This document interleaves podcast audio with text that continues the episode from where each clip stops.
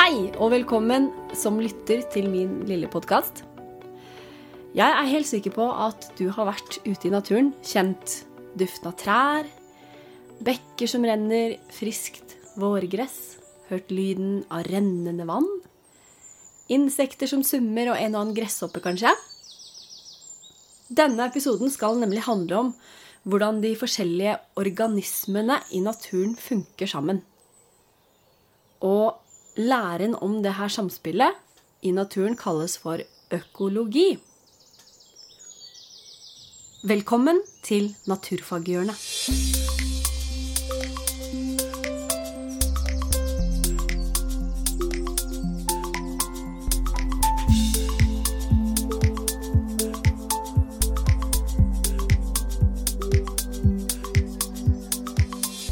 Jeg nevnte ordet organisme i stad, og du lurer kanskje på hva det betyr.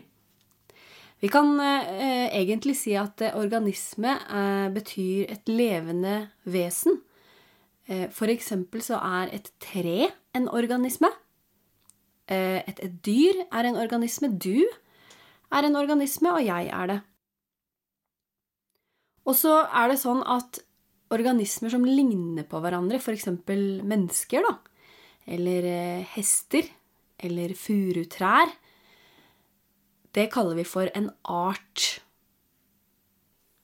Fluer kan være en art. Bjørnemose. Eh, hunder. Eller som sagt, altså mennesker er også en art. Og så videre. Du skjønner greia. Denne episoden her skal handle om samspill. Eh, det betyr egentlig hvordan noe eh, fungerer sammen eller samarbeider. Vi kan jo f.eks. bruke skogsmus. En skogsmus lever altså eh, av gress og, og, og, andre typer planter, frø, bær, og må leve da i et område hvor han finner sånn type mat. Den er avhengig av andre organismer for å leve. Musa kan jo òg være mat for andre dyr, f.eks. en ugle eller en rev. Og da kan det hende at ugler eller rever også vil være i det området, for der lever skogsmus, og det kan den leve av.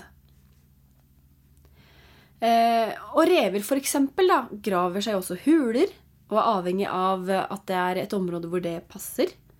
Eh, ugler er også avhengig av trær eh, å bo i. Sånn at alle levende organismer da i naturen de er avhengige av hverandre på forskjellige måter. Og de må liksom de må fungere sammen. Det er altså samspill. Så er det sånn at hvis jeg f.eks. har lyst til å studere naturen, finne ut mer om naturen, så må jeg, jeg må velge meg ut et område. Jeg kan jo ikke liksom studere liksom hele Norge på en gang. Det blir vanskelig. Så Derfor er det veldig vanlig å, å, å, velge seg ut et mindre område, f.eks. en skog eller en, en myr eh, eller en innsjø. Og et sånt område kalles eh, for et økosystem. Og et økosystem har noen deler som er levende, og noen deler som ikke er levende. Eh, alle levende deler i et sånt system kalles for biotiske faktorer.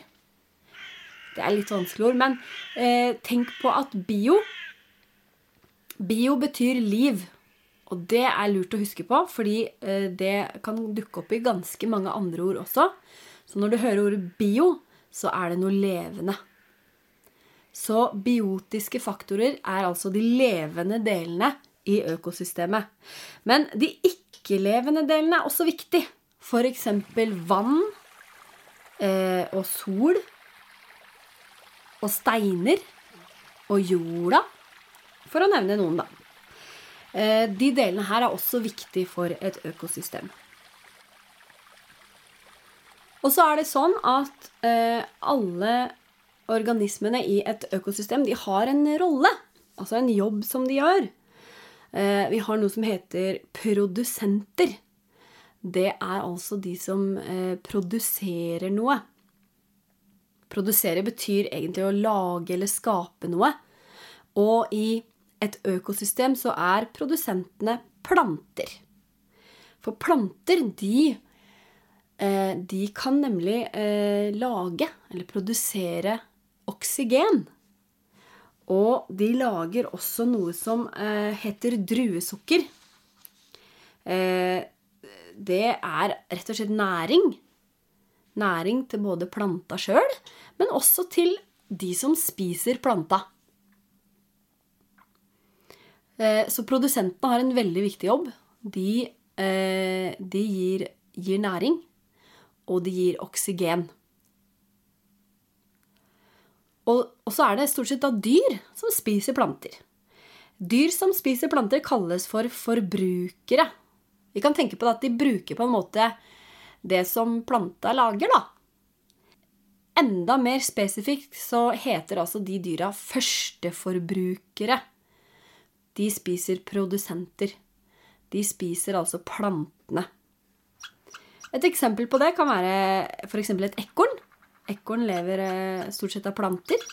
Så ekorn er en førsteforbruker. Eh, et annet dyr, eh, som f.eks. rev, kan vi kalle en andreforbruker. Reven spiser jo da ekornet, og dyr som spiser andre dyr, kalles for andreforbrukere. Det er da rovdyr. Og så er det sånn at noen dyr er både førsteforbruker og andreforbruker, for de spiser faktisk da både planter og dyr. For eksempel bjørn. Bjørn lever av ganske mange forskjellige planter og røtter og, og, og, og så videre, men de spiser også dyr. Og så er det noen Det er også en jobb til som er veldig viktig. En rolle til som er veldig viktig i et økosystem, som vi ikke har snakka om ennå. Og det er det som kalles nedbrytere. Eh, det er eh, ofte ganske små organismer, men de gjør en ganske viktig jobb. Når f.eks. dyr eller planter dør, så går de sakte i oppløsning. Og, og, og de blir da brutt ned i mindre deler. Og til slutt så blir de en del av, eh, av jorda. Og den jobben er det nedbryterne som står for. Det kan være forskjellige typer bakterier eller biller eller eh, meitemark, f.eks., er en nedbryter. Edderkopper, sopper osv.